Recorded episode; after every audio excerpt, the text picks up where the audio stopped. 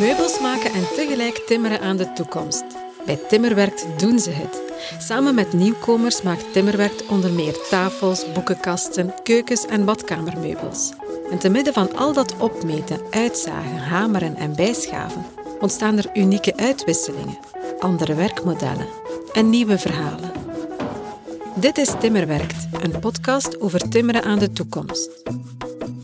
Aflevering 4. Als ik aan het werk ben, komt alles goed.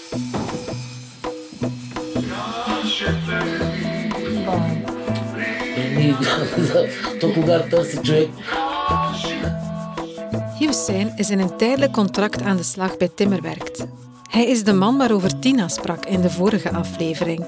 De man die in het vroege voorjaar armbandjes meebracht voor zijn collega's. Een traditie uit zijn thuisland Bulgarije. Kleurige bandjes om de lente te lokken. Ik ontdekte dat Hussein samen met zijn vrouw Lutfie vlak bij mij om de hoek woont. Ik kom uit Bulgarije. 2013 ik startte werk Gent met vleesfabriek. Dan twee jaar werken. Firma is failliet. Nieuwe werk uh, inpakker. Ook drie jaar misschien. En werk stoppen. Olivier, die de dagelijkse leiding heeft bij Timmerwerkt, vertelde mij over Hussein toen ik er laatst was. Ah, wel, Hussein is hier toegekomen een halfjaartje geleden. Zijn traject was uh, stopgezet bij de vorige werkgever. Hij heeft thuisgezeten een geruime tijd, waardoor dat hij heel veel Nederlands vergeten is. En waardoor dat hij zichzelf ook niet meer fysiek zo gezond voelde. Dus hij moest naar buiten komen, hij moest mensen zien, hij moest dingen doen. Voor zijn uh, mentale gezondheid en voor zijn fysieke gezondheid. En zo is hij dan eigenlijk bij ons beland. Want het is een metaalarbeider, hè. het is een lasser. Het is geen houtbewerker, hij heeft dat wel een paar keer gedaan, maar uh, algemenere schrijnwerkerij. Dus het is eigenlijk iemand met een heel brede ervaring. Het is een intelligente man. Het is een beetje onze klusjesman geworden ook. Telkens dat er iets moest opgelost worden, zei ik van Houston, we have a problem. En dan zei hij van oké, geen probleem. En dan loste hij dat op. Als er een poort kapot is, uh, als er een scharnier kapot is, um, als er een railsysteem kapot is, alles wat dan een beetje met metaal te maken heeft. Dus uh, hij kan een beetje van alles. En dat is uh, zeer handig om zo iemand in huis te hebben. Het is ook een super vriendelijke man, zeer joviaal. Hij heeft veel gevoel voor humor.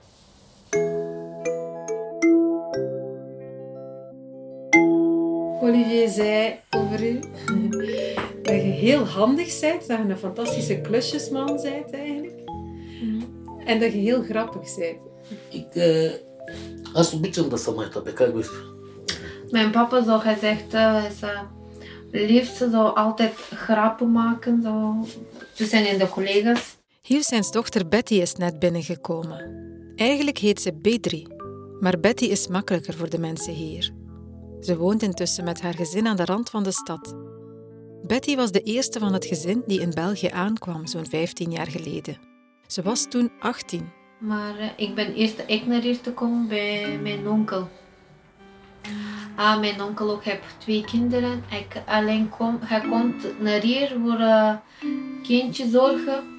Uh, voor kinderen, voor kleinkinderen is veel gevaarlijk. Niet ga naar buiten alleen. In Bulgarije zo is veel rustig. Hier, hier is stad, grote stad. En uh, in Bulgarije, jullie zo woont in de dorp, klein dorp. Er is in Gent een vrij grote Bulgaarse gemeenschap.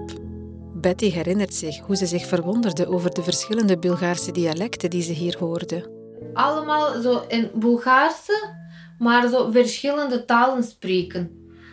Bijvoorbeeld mijn uh, buurvrouw ook uit Bulgarije komt, maar zo verschillende praten. Bijvoorbeeld je hier woont in Gent en komt iemand van Antwerpen en zo verschillend zo met dialect. En ik hier voor de eerste keer zo gehoord. En ik amai, zo heb verschillende mensen. En zo een beetje paniek maken. Maar ja, komt ja. alles in orde nu. En uh, wat doe je nu in Timmerwerkt? Je maakt meubels, veronderstel ik. Coöperatie de Timmerwerkt. Zagen met paneelzak. afkanten man afkantmachine, schuren met handen, handmachine. Ja. Lijmen, eh, monteren kastjes, kleerkast monteren, keukenkast. Timmerwerkt wil nieuwkomers werkervaring aanbieden, zodat ze daarna sterker staan op de reguliere arbeidsmarkt. Nu het einde van zijn contract nadert bij Timmerwerkt, is Hiussijn maar met één ding bezig: werk vinden. Niet alleen om de kost te verdienen, maar ook om zich nuttig te voelen. Vier jaar geleden zat Hiussijn een periode zonder werk. Hij werd er wanhopig van. Tot zijn frustratie kon hij geen nieuw werk vinden en hij dacht dat er dan niets anders op zat dan terug te keren naar Bulgarije. Terwijl hij zijn koffers aan het pakken was, kwamen zijn dochter en zijn schoonzoon hem kalmeren. Ik wil stoppen werk. Hmm, Misschien ik stress, ik, ik naar Bulgarije. Mijn dochter komt, stop papa, niet naar Bulgarije. Mijn schoonzoon, rustig papa. Mijn Ja. papa hij stop is veel lang werk zoekt, maar is ouder nu. Ja, iedereen zoekt eh, jonge mensen zo, zo een beetje paniek Niet- maken, niet, niet, praten, werken. Niet praten Nederlands, in Ja. paniek. Hussein besloot om extra inspanningen te doen om Nederlands te leren. Ik uh, naar school. Alles om werk te vinden. Zijn werk is zijn trots. En dat is altijd zo geweest. Ik start een werk 24 jaar. Vroeger. Ik nu 56 jaar. Uh, Ik uh, 27 jaar ervaring. Bulgarije en nu. Vroeger veel werk in Bulgarije. Veel. Maar nu... Nu niet. In 2007 werd Bulgarije lid van de Europese Unie. Hussein heeft de dingen enorm zien veranderen over de jaren. Vroeger was iedereen aan het werk in zijn thuisland. Maar vandaag is dat anders. Er is ontzettend veel werkloosheid. Tot in 1989 had Bulgarije een economie in de Sovjet-stijl, waarbij alle landbouw- en industriële ondernemingen door de staat werden beheerd. Er ontstonden problemen. Er was een tekort aan voedsel en energie, er was een enorme buitenlandse schuld en de industriële complexen waren verouderd en inefficiënt geworden. Na het uiteenvallen van de Sovjet-Unie in 1989 zakte de economie van Bulgarije verder in elkaar. De levensstandaard kromp met 40 procent. En toen daarna ook de grenzen opengingen en iedereen vrij kon reizen, kwam er een echte leegloop op gang. Bulgarije, veel mensen ouder. Jonge, alleen buitenland. Werken. Dat is wat Hussein wil. Hij is intussen elf jaar in België. De taal leren blijft voor hem een enorme uitdaging. Dat komt onder meer omdat hij in zijn eerste jaren in België aan de slag was in omgevingen waar er vooral Turks werd gesproken. Bulgaren zijn van oorsprong verwant aan het Turkse volk. Ze vestigden zich in de 7e eeuw vanuit Centraal-Azië in het huidige Bulgarije en namen er over de jaren de Slavische taal over. Vandaag wordt er nog steeds veel Turks gesproken in Bulgarije. Ook Hussein spreekt zowel Bulgaars als Turks. Turks is een veelgesproken taal in Gent. En daardoor maakte hij niet veel vooruitgang met zijn Nederlands. De taal leren, het blijft een enorm struikelblok voor veel nieuwkomers. Olivier heeft Hussein zien worstelen het voorbije jaar. Dus het is eigenlijk echt een babbelaar. Wat dat niet evident is als je de taal niet spreekt, zoals hem. Het is geen talenknobbel. Het was heel moeilijk om hem uit zijn schuld te krijgen in, uh, in het begin. Maar uh, het is uiteindelijk wel gelukt en dat heeft hij dan wel geleerd. Om heel veel gêne over zijn uh, taal opzij te zetten en van gewoon te zijn wie dat hij is. Dus hij heeft heel veel Nederlands bijgeleerd en heel veel zelfvertrouwen gekregen ook. Dus we hopen eigenlijk dat hij nu, want zijn traject stopt, dat hij ergens werk vindt. Want als hij terug thuis belandt, gelijk dat de situatie was voordat hij begonnen is, dan gaat hij weer al zijn Nederlands vergeten en gaat hij wel weer wat ongelukkig worden, vrees ik. We zijn aan het kijken naar een uh, duurzame werksituatie, maar dat is niet evident. Je is ook al 56 jaar. Iedereen begrijpt dat het belangrijk is voor nieuwkomers om de taal te leren. In Timmerwerkt worden er vele talen gesproken. Verschillende soorten Arabisch, uh, Libanees, Irakees, ja, Bulgaars. Dat zijn dan de drie man die momenteel binnen hebben. En Besmila natuurlijk, dat is dan Farsi. Hè. Maar de taal op de werkvloer is Nederlands. Hier leren ze het hè, op de werkvloer. Ja. Leren ze het heel snel. Kan ook niet anders met constant in communicatie treden met elkaar in het Nederlands. De voertaal op de werkvloer is Nederlands, maar Olivier en zijn collega's zoeken wel naar manieren om het werken met de machines toegankelijker te maken voor anderstaligen. Taal is hier een sleutelwoord. hè. Ehm, we proberen er heel veel op in te zetten. En we zijn van alles aan het onderzoeken. In het atelier hangen er bij verschillende machines QR-codes. Als je die inscant via je telefoon, kom je op een handleiding terecht die automatisch in jouw moedertaal wordt gezet. Het gaat over eh, onze methodieken, over onze handelingen.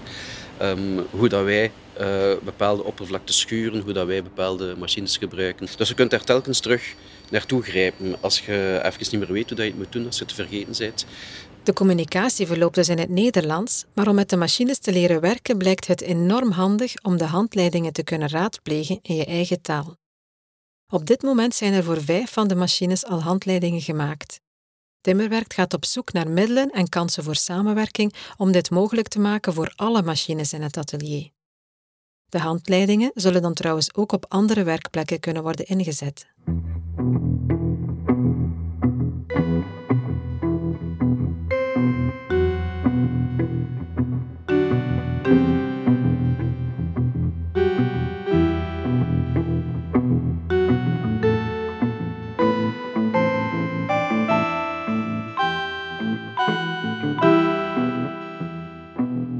Paar maanden geleden sinds ik weer eens op Timmerwerkt was. Het bedrijf zelf is elke keer als ik er kom wel ergens veranderd. Nu is er een ontvangstruimte gecreëerd om gasten te ontvangen. Timmerwerk deelt deze plek met de twee andere bedrijfjes die ook huizen op dit terrein. Ik loop de burelen binnen. Tina is aan het werk. Zij is de ontwerper die we in de vorige aflevering hoorden. Ik zie ook een nieuw gezicht aan de ontwerptafel. Ik ben Matthias en ik ben hier ontwerper. Dezelfde job als Tina. Ik heb architectuur gestudeerd en ik ben ook zelfstandig architect. Matthias combineert dus zijn werk als architect met het ontwerpen van meubels bij Timmerwerkt. Bijzondere combinatie is dat. Architectuur is een proces die dat jaren duurt, terwijl dat een meubel is iets die dat zeer snel kan gaan. Je doorloopt hetzelfde proces, hè. je moet het ook ontwerpen, je hebt ook contact met de klanten, het moet ook op een of andere manier gemaakt worden. Eh, Maar ik zeg het, het eindresultaat is er sneller en mensen appreciëren het heel hard. Matthias is sinds een paar maanden aan de slag bij Timmerwerkt. Wat valt hem op aan het bedrijf? Wel, dat het eigenlijk geen bedrijf is. Allee, ik bedoel, het is zeker een bedrijf en het wil zeker alles professioneel, eh, zo professioneel mogelijk aanpakken. Mm, Maar er worden klemtonen gelegd die daar in andere bedrijven niet worden gelegd. Allee, ik bedoel, er is een heel huiselijke sfeer, heel verwelkomend. Allee, het is echt, eh, je zit met mensen op de bureau die daar ook naast het werken, werken, werken, ook een keer een babbelje kunnen doen. Eh, ook zeer begripvol zijn, want ik heb nog nooit meubels uitgetekend. Eh, ik heb daar wel een beetje ervaring in, maar geen opleiding in school of zo. Dus dat begrip is daar, om dat inderdaad aan te leren, om daar eigenlijk zelf ook eh uw dingen in te leggen van kijk, dit vind ik belangrijk en dit moeten we doordrijven of dit moet er naar boven komen.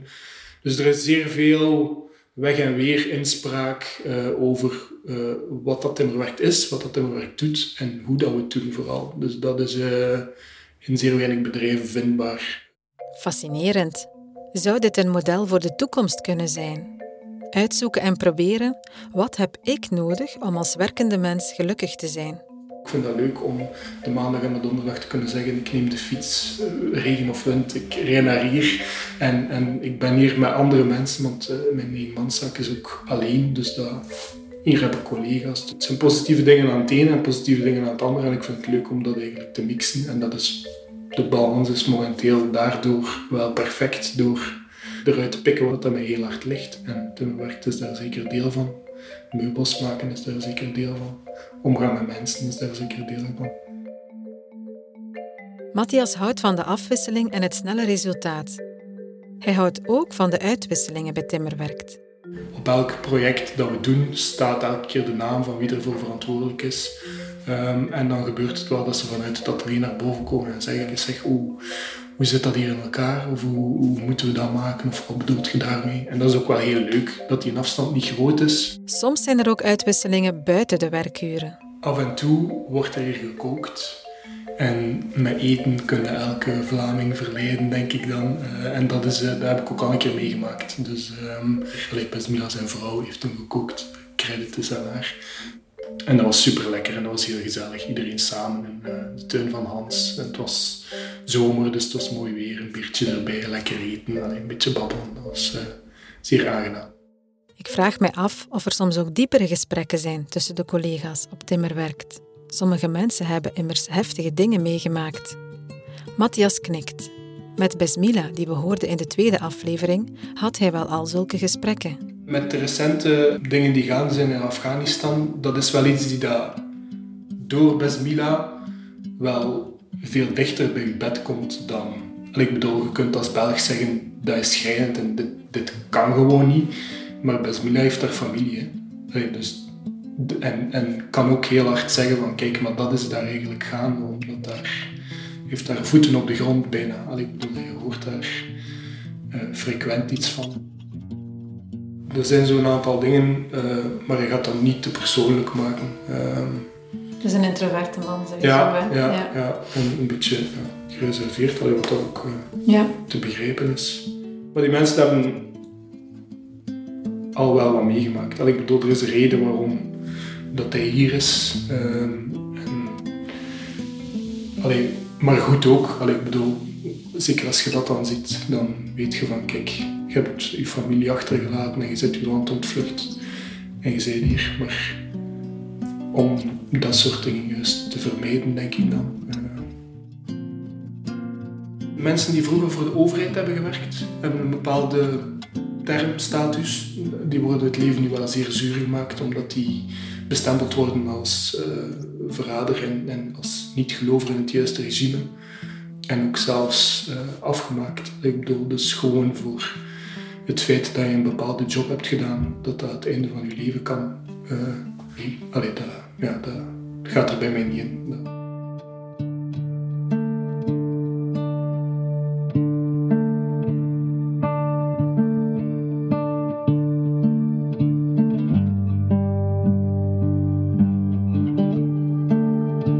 Er is nog iets waarover Matthias erg enthousiast is bij Timmer werkt. De experimenten met het hergebruik van materialen. Het is een samenwerking met Huismus, een ander bedrijfje dat op hetzelfde terrein zit en dat zich specialiseert in ecologisch schrijn- en timmerwerk. Ze zetten volop in op de recuperatie van bouwmaterialen. Er wordt zeer veel weggesmeten in de bouw. Dat is echt niet normaal als je af en toe een keer een werf bezoekt Um, dan, dan, dan merk je dat hoeveel afval dat er daar eigenlijk wel buiten gaat. Maar we zijn inderdaad naar meer standaardisatie gegaan, zeker in architectuur, maar ook in meubels. Uh, een plaat moet recht zijn, een plaat moet van de fabriek mooi uh, en nieuw verpakt zijn. Onlangs wist Huismus 250 melamineplaten uit een afbraak te recupereren. In zeer goede staat. Timmerwerk is nu bezig om ze te verwerken. En het geeft ook nog een soort van extra voldoening of zo. Dus elke keer als er een project is die dan met die gerecycleerde platen of met herbruikte platen, want eigenlijk zijn ze niet gerecycleerd, ze zijn gewoon uit het gebouw gehaald en ze zijn nog goed genoeg om voor ons om te gebruiken. En de kwaliteit is ook echt nog hoog. En elke keer als we een project hebben waar dat we die platen in kunnen gebruiken, dan hebben we zoiets van yes, hoeveel, hoeveel platen nog of hoeveel, hoeveel paletten moeten we nog, hoeveel platen liggen op een palet. We zitten aan een halve palet dat we hebben uh, herbruikt. Uh, en dat is, ja, dat is daar leuk aan. Ik ja, dat, super. Dat, dat, komt wel tot uiting in, in, op een bureau. Zeker. In collectief gejuich. Ja, ja, ja. ja, ja.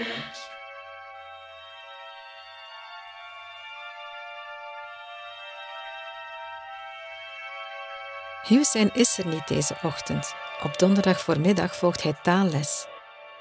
Ik vraag aan Matthias wat hij bijzonder vindt aan Hussein zeer typerend aan Hussein is dat elke maandagochtend hebben wij een vergadering. Dus daarmee beginnen we uh, van wat gaat er deze week gebeuren. En die vergadering wordt traditioneel ondertussen bijna afgerond met Hussein die zegt opstaan, beetje werken.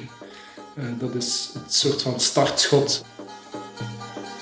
Opstaan en beetje werken.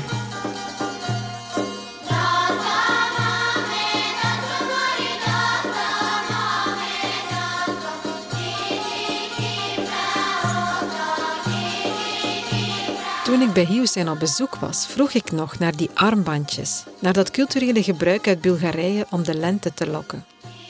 Hij haalde wit-rode touwtjes uit met een kraaltje in de vorm van een muzieknoot en hij wees naar de muzikanten op de televisie. Ze hadden traditionele kledij aan met veel wit en rood. Maarten het is onze maartmes. Ah, ja. Het is um, Bulgaars, Eh, typisch Bulgaarse traditie. Traditie met maart. Ja, en dat is een Cadeautje naar muziek. collega's, ki- kindjes. Oma Maart.